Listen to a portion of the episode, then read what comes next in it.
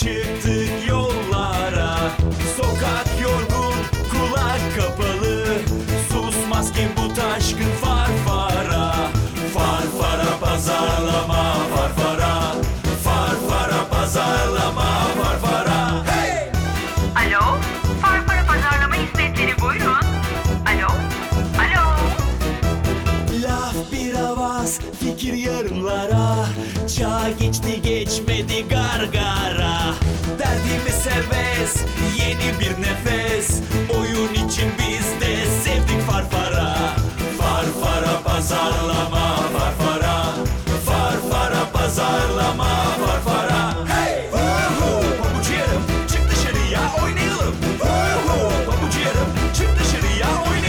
Herkese merhabalar. Farfara Pazarlama'nın 5. bölümüyle yine sizlerle beraberiz. Ee, 1 2 3 4 derken 5. bölüme geldik. Şurada Dalya'ya ne kaldı? Sadece 95 bölüm. Ee, umarız o günleri de görürüz ama şu anda 5. bölümle karşınızdayız. Bugün Kurtuluş bizimle beraber. Hoş geldin Kurtuluş. Hoş bulduk. Herkese merhaba. Ee, şimdi biliyorsunuz ki bizi dinleyenlerin takip ettiği üzere her bölümde e, pazarlama dünyasıyla ilgili son trendlerden veya pazarlama dünyasının sık karşılaştığı sorunlardan e, genelde bahsediyoruz. Bu konulara işte kendi bakış açımızla getirdiğimiz çözümleri e, paylaşıyoruz. Bugün de benzer bir yoldan gideceğiz. Ee, aslında pazarlama dünyası günümüz şartlarında var olabilmek için birçok zorlu şartlarla mücadele etmek durumunda. E, markalar bu şartlarla nasıl mücadele edeceklerine karar vermek için birçok araştırma yapıyorlar ki zaten bizim işimizde e, onların sorularına cevap vermek bir şekilde. E, ama bu araştırmalar başlamadan kafalarında birçok sorularla geliyor markalar. Yani bizim gördüğümüz kadarıyla pazarlama dünyasının kafasında bu sorular çok fazla ve Bir hali kar- karışık. bu, bu çok karıştırmış durumda Evet. kafalarını işte. Ee, o kadar çok sorusu var ki markaların bu soruların hepsine ayrı bir cevap bularak bilinmezliğin böyle aşılacağını düşünüyorlar. Ama biz diyoruz ki bu soruların cevaplarını bulmak için bu kadar çok soru sormaya, işte bilinmezliği aşmak için bu kadar kafa karıştırmaya gerek yok. İşte bu bölümde biz pazarlama dünyasının kendisini çıkmaza sokan düşünce yapısını ve bu e, çıkmazları nasıl dönüştürebileceğinden bahsedeceğiz. Bu konuyla ilgili e, Kurtuluş Kantar bizimle. E, biraz önce kendisi de hoş geldin dedi. Evet. E, kendisi Future Bright'ın kalitatif araştırmalar direktörü ve Zimet Institute Türkiye'nin de başında yer alıyor. E, şimdi ben böyle kısaca bir girizgah yapayım ama kendisinden de e, bize biraz tanıtmasını bekleyelim. Evet, e, teşekkürler Ozan. E, araştırmayla aslında temasım, tanışmam e, üniversite birinci sınıfa dayanıyor. Ben antropoloji mezunuyum, sosyal antropoloji mezunuyum. E, daha girer girmez bize dediler ki antropoloğun ayakkabısı, sosyal antropoloğun ayakkabısı çamurlu olur dediler. E, biz de çamurlu yollara İstanbul'un aşağı yukarı bütün e, ilçelerin içerisine girdik daldık. İstanbul şartlarında çok zor olmasa gerek ayakkabıyı çamurlamak. Valla çok kolay oldu. Ee, çamurlamak kolaydı ama o çamurdan çıkmak çok kolay olmuyor. Ee, çok fazla e, özellikle e, göç alan bölgelerde çok fazla çalışmalar e, yaptım. E, sonrasında kaçınılmaz olarak e, bu kadar araştırmanın içerisinde üniversite yıllarında girince e, araştırma sektöründe çalışmayı seçtim. E, böyle çok farklı bir araştırmayla e, sektöre giriş yaptım. Popüler kültür üzerine, pop müzik üzerine bir araştırmayla e, sektöre giriş yaptım. E, sonrasında bir baktım ki o soluk hala e, böyle aynı solukla devam eder şeklinde araştırmadan araştırmaya e, koşuyorum. Ama E, o arada bir tiyatro ile ilgili Evet. de değil mi bir araştırmadan Evet, Uzaklaş- bir üç buçuk sene kadar da özel bir tiyatroda e, sahne arkasında e, görev aldım. E, o da farklı bir deneyimdi benim için. Zaten araştırma öyle bir konu ki insanla ilgili olan her konuyla olduğu gibi e, aslında tek başına bir uzmanlık alanı değil araştırma. E, çünkü insan tek başına, e, bugün biraz bundan bahsedeceğiz. İnsan tek başına e, tek bir uzmanlık alanının içerisine sığmayacak kadar e, geniş bir konu, derin bir konu. E, dolayısıyla her şey araştırmayı besliyor. E, bizim de zaten sen de öylesin, ben de öyleyim. E, kendimizi besleyen kanalları e, mümkün olduğunca canlı tutmayı seviyoruz. E, Biz ilk bölümde de aslında e, söylemiştik Akan o zaman konuğumuzdu. E, bu bizim kendi içimizde yani kendi şirketimizde de e, farklı disiplinlerden, farklı ilgi alanlarına sahip insanların bünyemizde bizimle beraber çalışıyor olmasının ne kadar büyük bir zenginlik olduğundan bahsetmiştik ki e, gerçekten bu e, insanları e, işte veya işte pazarlama dünyası tabiriyle tüketicileri de değerlendirirken oldukça farklı bakış açıları e, getiriyor bize. Bugün de yine insanı konu alan bir konudan konuşacağız. evet. E, Ee, şöyle söyleyeyim aslında biraz önce dedik yani pazarlama dünyası böyle bir kendini çıkmazda e, hissediyor sürekli ve e, biraz böyle bazen de panik yapabiliyor aslında ama Ee, neden böyle bir çıkmaz durum var? Neden sürekli birçok soru ile e, bize geliyorlar ve bu soruların cevaplarını e, bulmaya çalışıyorlar? Bunlardan bahsedelim istersen. Tabii. e, aslında bu sorunun cevabını e, bulmak için e, Richard Nisbet'in e, Amerikalı bir e, psikolog, kendisi akademisyen Michigan Üniversitesi'nde. E, Richard Nisbet'in Düşüncenin Coğrafyası isimli kitabı okuduğumuz zaman bu konuyla ilgili e, bize bir takım ipuçları veriyor. Richard Nisbet diyor ki e, Batı düşünce dünyasıyla Doğu düşünce dünyası arasında bir fark var diyor. Hatta Batılı insanların düşünce şekliyle Doğulu insanların düşünce şekilleri arasında bir fark olduğunu bize söylüyor. Bu farkı da en temelde şunu şunu şekilde açıklayabiliriz. E, Batılılar e, herhangi bir olguyu anlarken onu parçalara ayırıp anlıyorlar. Doğular ise onu bir bütünsellikle anlamaya çalışıyorlar. Ee, şimdi bir örnek vereceğim daha iyi anlaşılacak. Ee, iki tane e, insan sağlığı ile ilgili iki farklı ekol düşünelim. Bir tanesi Batı tıbbı, bir tanesi Doğu tıbbı. Batı tıbbı ne yapar? Ee, uzmanlıklar vardır. İşte dahiliye vardır, kardiyoloji vardır, beyin vardır, işte ortopedi vardır. Ee, Birçok e, branş birbirine girer. Ee, ve her bölüm insan vücudunun farklı bölümlerinin farklı uzmanlıkları olur. Nereniz ağrıyorsa, nereniz rahatsızsa o uzmanı, o bölümün uzmanına gidersiniz ve tedavi olmaya çalışırsınız. Doğu tıbbı ne yapıyor? Doğu tıbbı şunu yapıyor. İnsan vücudun bir bütün olarak düşünüyor. Akupunktur bilirsin. E, kulağa bir şey batırır. Birdenbire bakarsın. Böbreğin böyle. Böbrek böyle birden e, geçmeye başlar. İşte parmak ucuna bir şey yapar. e, senin baş ağrını geçirmeye başlar. İnsan vücudunu bütünsel olarak değerlendirir e, Doğu düşünce yapısı. E, dolayısıyla e, bütünü anladığı zaman, bütünü bütünsellikle kavradığın zaman daha kolay yöneteceğine inanırsın. İnanır, düşünür. E, çok Batılı değiş- ne yapıyor peki? Batılı, e, batılı uzmanlaşmayı seçiyor, e, bölmeyi seçiyor, bölüp yönetmeyi seçiyor. Bunun e, hem siyasette hem pazarlama dünyasında, e, uzmanlıkların içerisinde, hayatın her alanında e, bunu bu şekilde idare etmeye, yönetmeye çalışıyor. Yani aslında pazarlama dünyasının da Batı e, kültürünün e, bir eseri, e, ürünü olduğunu da Kesinlikle. düşünürsek aslında bunun yansımasını da burada görüyoruz Tabii. sanırım. Bu çok sorular işte çıkmazlar, her şeye böyle bir ayrı soruyla e, cevap Aynen. bulmaya çalışmak. Şimdi araştırma nedir? Araştırma aslında bilimsel düşüncedir. E, bilimsel düşünce nereden besleniyor? Günümüzde modern e, dünyada e, bilimsel düşünce batıdan e, besleniyor. Dolayısıyla e, bugün e, bilimsel düşüncenin temellerini aslında batı düşüncesinin temelleri olarak da kabul edebiliriz. E, tasnifleme, sınıflandırma, e, segmente ayırma e, aslında e, batının çok e, güçlü bir şekilde yaptığı bir e, ve yaparak daha kendini rahat hissettiği alanlar. Dolayısıyla e, ne oluyor? Aslında her şeyi parçalara bölerek anlamaya çalışıyoruz. E, dolayısıyla verimiz, datamız oldukça fazla oluyor ama elimizde bir kümülatif bir bilgi yığını oluyor. Bunu da nasıl yöneteceğimizi bilemiyoruz. E, O parçaları sorun da- birleştiremiyoruz. Evet, asıl sorun da burada başlıyor. E, çok komplike sorunlarla uğraşıyoruz aslında, öyle gözüküyor. E, bir sorun diğerini doğuruyor. Biz birini de çözerken aslında bütünü kaçırdığımızı hissetmeye başlıyoruz. E, sonra içinde kaybolmaya başlıyoruz.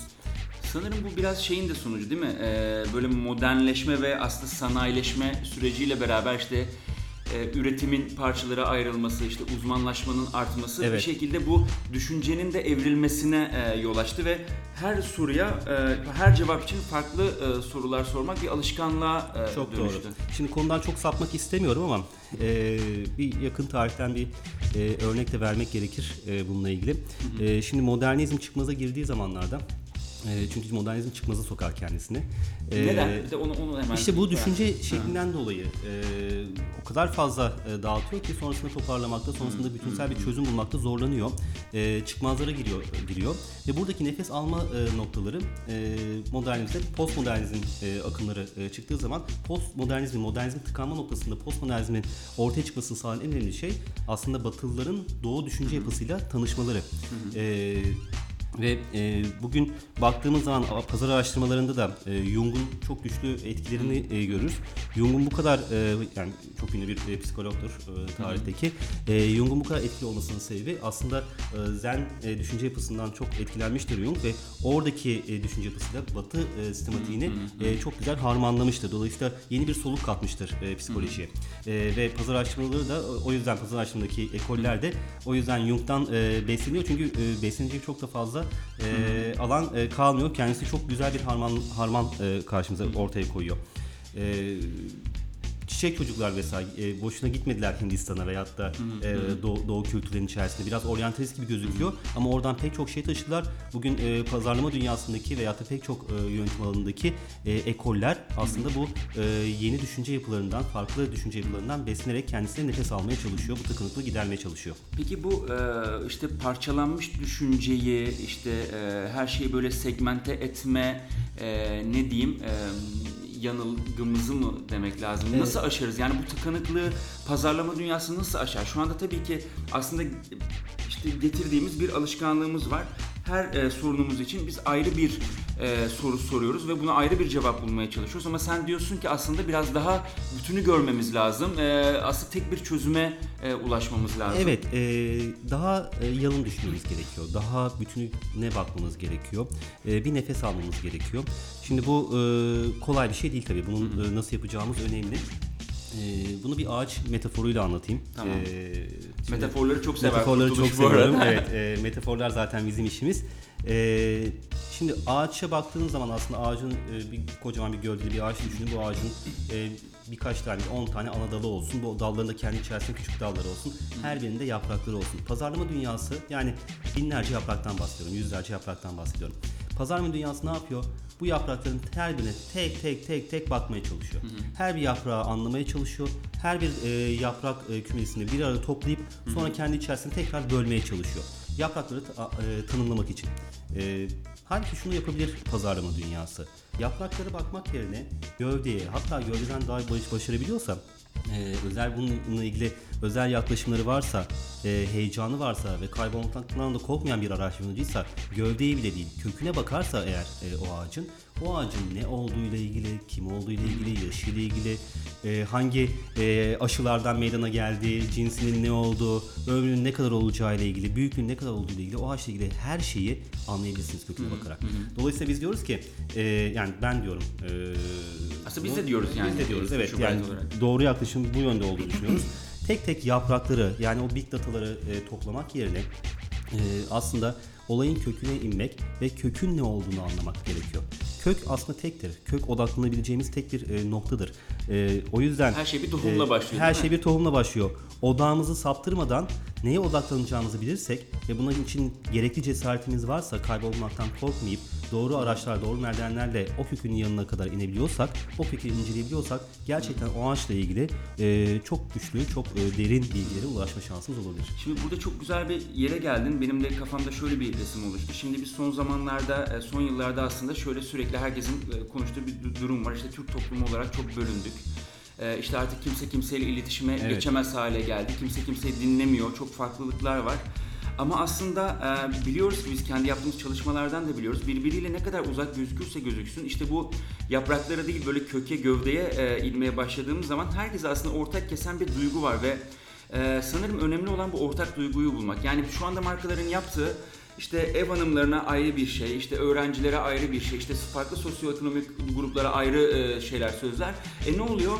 Hem e, bir sürü zaman harcanıyor, bir sürü e, para harcanıyor. Oysa ki e, sanıyorum bunu farklı bir bu yöntemle çözüm- yapmak evet. mümkün. Pardon. Bu çözümler e, tabii ki faydalı. Yani e, segmentasyon da çok değerli ve bizim de yaptığımız e, bir çalışma ama e, neye hizmet ettiğini bilmek gerekiyor.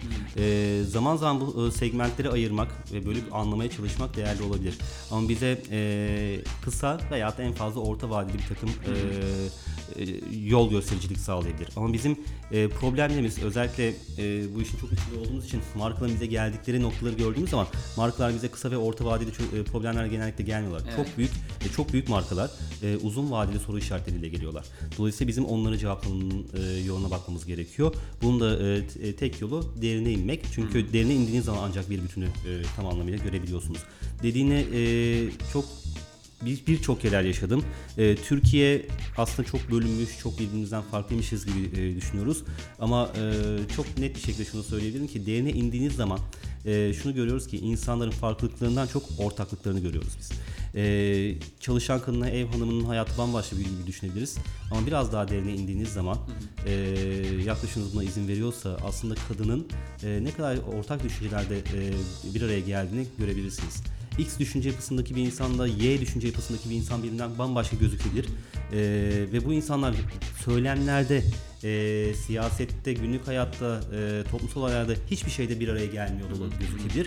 Ama biraz daha derine indiğiniz zaman aslında çok benzer ortak kaygıları ve düşünce yapıları olduğunu görüyorsunuz. Bu çok önemli bir bilgi. Neden önemli? E, çünkü e, insanlara e, tek bir şey söyleyerek bütün kitleleri e, ortak kesen bir şey söyleme şansına sahipsiniz aslında. Yeter ki bunu keşfedin. Bu hakikaten sihir gibi bir şey Sihir yani. gibi evet. Ee, biz de zaten yaptığımız iş e, böyle e, aslında veri toplamak e, olarak görmüyoruz. E, gerçekten sihirli bir dünyanın içerisinde dolaşmak olarak e, hatta kaybolmak, tekrar yolumuzu bulmak olarak görüyoruz. Biz süreci çok seviyoruz. E, o sürecin bize öğrettikleriyle zaten e, besleniyoruz. E, Birçok araştırmada bu ortaklığı e, görünce e, şunu çok iyi bir kere Türk insanı için şunu söyleyebiliriz. Antropolojide şöyle bir tanım var. Kültür üç, üç kuşaklı değişir derler. Ee, doğru kültür üç kuşaklı değişir. Çünkü e, birisi doğacak, e, torun çocuğu olacak, onun çocuğu olacak. Yani torunla dedenin ilişkisi olduğu sürece, bu üç kuşağın ilişkisi olduğu sürece kültürel aktarım direkt bir şekilde devam ediyor. Ne zaman ki torunun da çocuğu oluyor, o kültürel ilişki e, şey direkt ilişki kesmeye başlıyor. Kültür o zaman e, değişmeye başlıyor, başladığını söyleyebiliyoruz. Şimdi e, kültürel değişim üç kuşaktan olduğunu bahsedersek, üç kuşak öncemize gidelim Türk toplumu olarak. Hangimiz e, bugünkü e, trendler içerisinde, bugünkü sınıfsal yapı içerisinde birbirimizden çok farklıydık? Etnik farklılıklar vardı evet ama e, hepimizin ekonomik olarak baktığımız zaman e, birçoğumuzun e, annesi ya babası, dedesinin dedesi veyahut da ya çiftçidir ya esnaftır. E, hani e, saraydan ayrımı bu- sınıf ayrımı o kadar fazla e, yoktu bir e, batı toplumu değiliz biz. E, dolayısıyla çok benzer aslında e, ekonomik, sosyoekonomik e, yapılardan geliyoruz. Dolayısıyla aslında bugün e, şapkayı bir kimisi yanına takar, kimisi sağa, kimisi sola takar. Ama bunlar trenddir. Bunların çok büyük bir önemi yoktur. Ama derine indiğiniz zaman ortaklıklarımız e, bunlar kolay değişmiyor. Bunlar bakidir. E, dolayısıyla bizim o e, yaptığımız bu ortaklıkların, ortak kodların neler olduğunu görmek, keşfetmek. Peki şimdi hani derine inelim, e, o köklere inelim diyoruz ve ortak e, duyguyu bulalım diyoruz ama peki bunu nasıl yapacağız? Yani herkesi kapsayan ortak bir çözüm bulmak için ne yapmamız gerekiyor? Bunun yöntemi nedir? Ee, şimdi davranış bilimleri. Bunun tek bir e, yöntemi var. Davranış bilimleri. Şimdi e, bir şeyde hakkını vermek e, gerekiyor. E, Batı düşünce dünyasının eksikliklerinden bahsettik ama e, Batı düşünce dünyası e, kendisini geliştirmeye devam ediyor e, ve öğreniyor. E, ve davranış bilimleri de e, şu anda ciddi tartışmalarla özellikle şu an değil bu e, son e, 40 yıldır e, giderek artan ciddi tartışmalar, kırılmalar yaşadı. E, postmodern akımlarla e, çok ciddi e, kırılmalar yaşadı.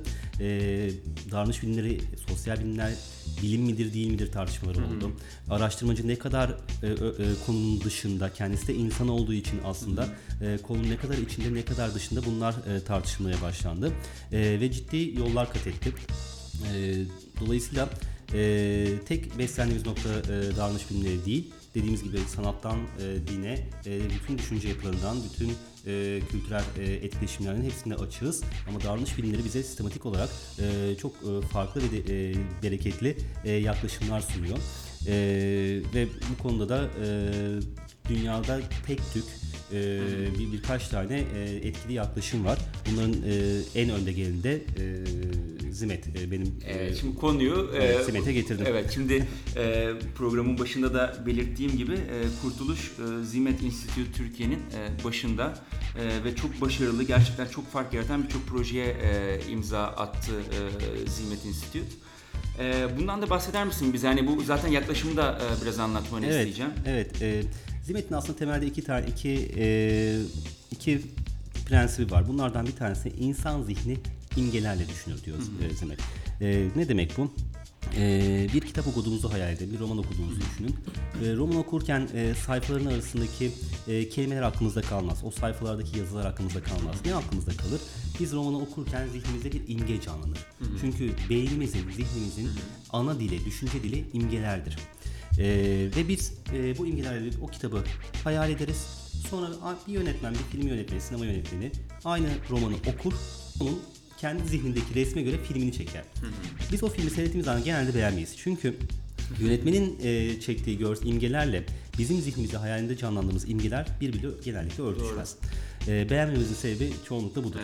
E, bunun veyahut başka bir örnek vereyim. İnsan zihni kendi başına kaldığı zaman mesela uykularımızı düşün. Uyuduğumuz zaman zihin tam böyle kendi başına kaldığı zaman uyku halindeyken gördüğümüz rüyalar imgelerdir aslında. İmgelerle rüyalar görürüz. Hiç e, kavramlar, sözler, düşünceler doğru. yoktur. İmgeler vardır. E, bizim yaptığımız imgelere e, tekrar geri dönmek. Yani e, zihnin ana dilini e, öğrenmek, bunu nasıl konuştuğunu anlamak ve bununla e, tüketiciyle, katılımcılarımızla e, bunun üzerinden iletişim kurmak oluyor. E, bir diğer e, prensibi de e, Gerald Saltman bu arada e, Zimet'in e, Harvard'da Profesör Gerald Saltman e, kurucusu, geliştiricisi bir e, pazarlama metaforu isimli bir e, Kur'an var. Bu Kur'an'dan doğan bir metodoloji Zimet. Gerald Saltman ikinci olarak da şunu söylüyor. E, metaforlar diyor çok önemli diyor. Yani günlük hayatta kullandığımız benzetmeler. Az önce benim e, bahsederken ağaç örneğini verdiğim Evet. e, yaptığım bir- o da bir metafor.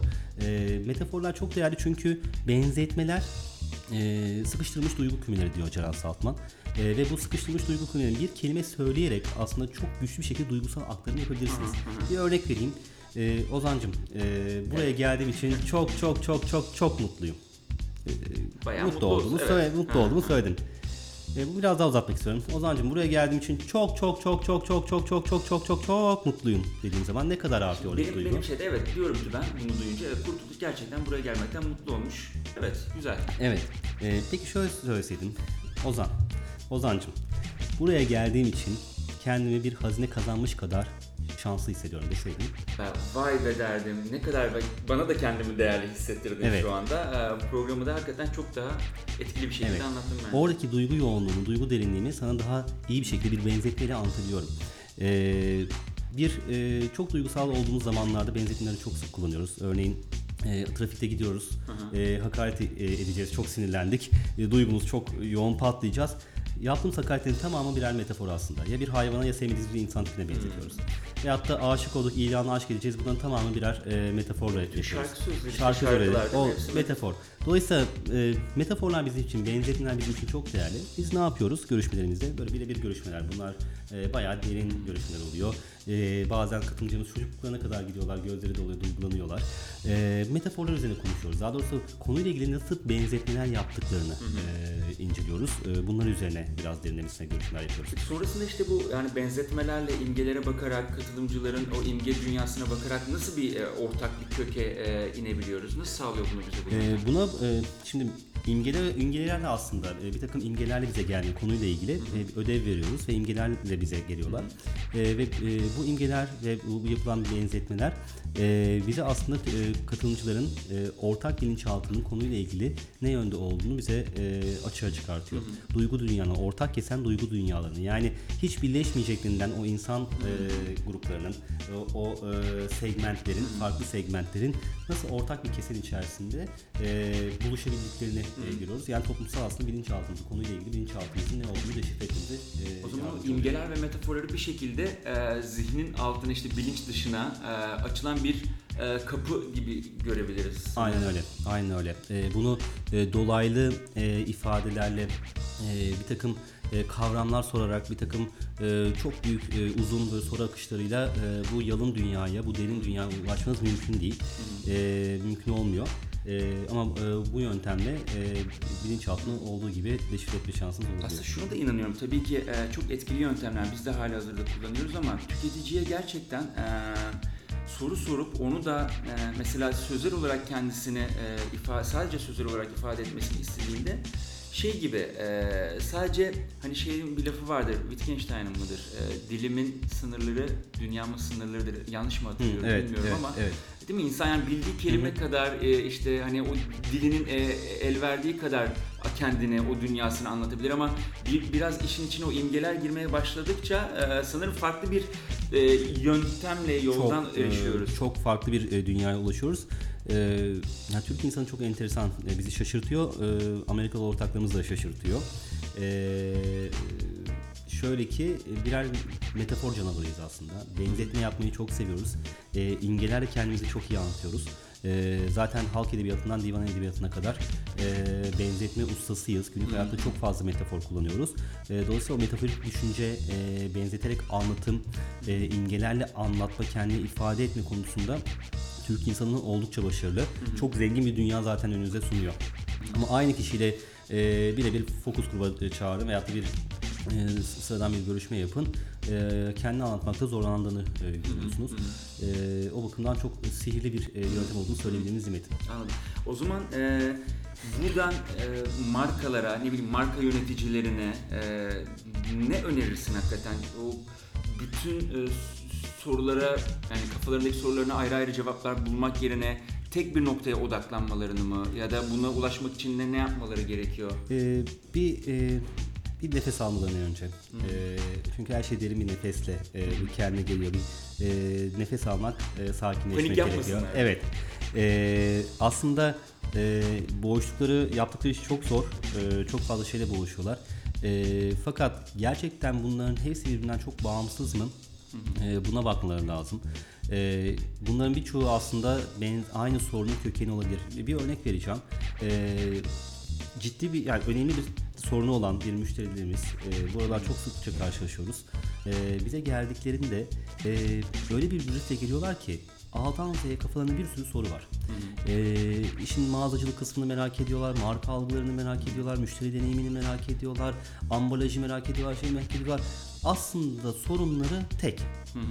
Tek bir sorunla geliyorlar. Yani bizim marka algımızı e, istediğimiz yerde değil diyelim. Tek bir sorun var ama e, brief briefte onlarca konu var. Bu arada bir parantez açacağım. Ee, brief konusunda bundan iki bölüm önce e, Zeynep e, Demirci Mutlu ile beraber konuşmuştuk. Merak edenler o konudaki düşüncelerimizi 3. bölümü dinleyebilirler. Evet, buradan bir link çekelim. Link hemen. Ee, şimdi bu kadar fazla soru aslında şunu söylüyor. Benim çok ciddi bir sorunum var. Aslında sorunum tek ama cevabın nerede olduğunu bilmiyorum. Demek bu. Böyle bir brief elimize geldiği zaman. Ee, bizim yaptığımız burada sorunun ne olduğuna bakmak. Sorunun arayışını yani ana sorunla e, cevabı olabilecek işte ambalaj mı, e, mağazacılık mı yoksa marka algısı mı, o mu bu mu kısımlarını atıyoruz ve e, konunun kendisine odaklıyoruz.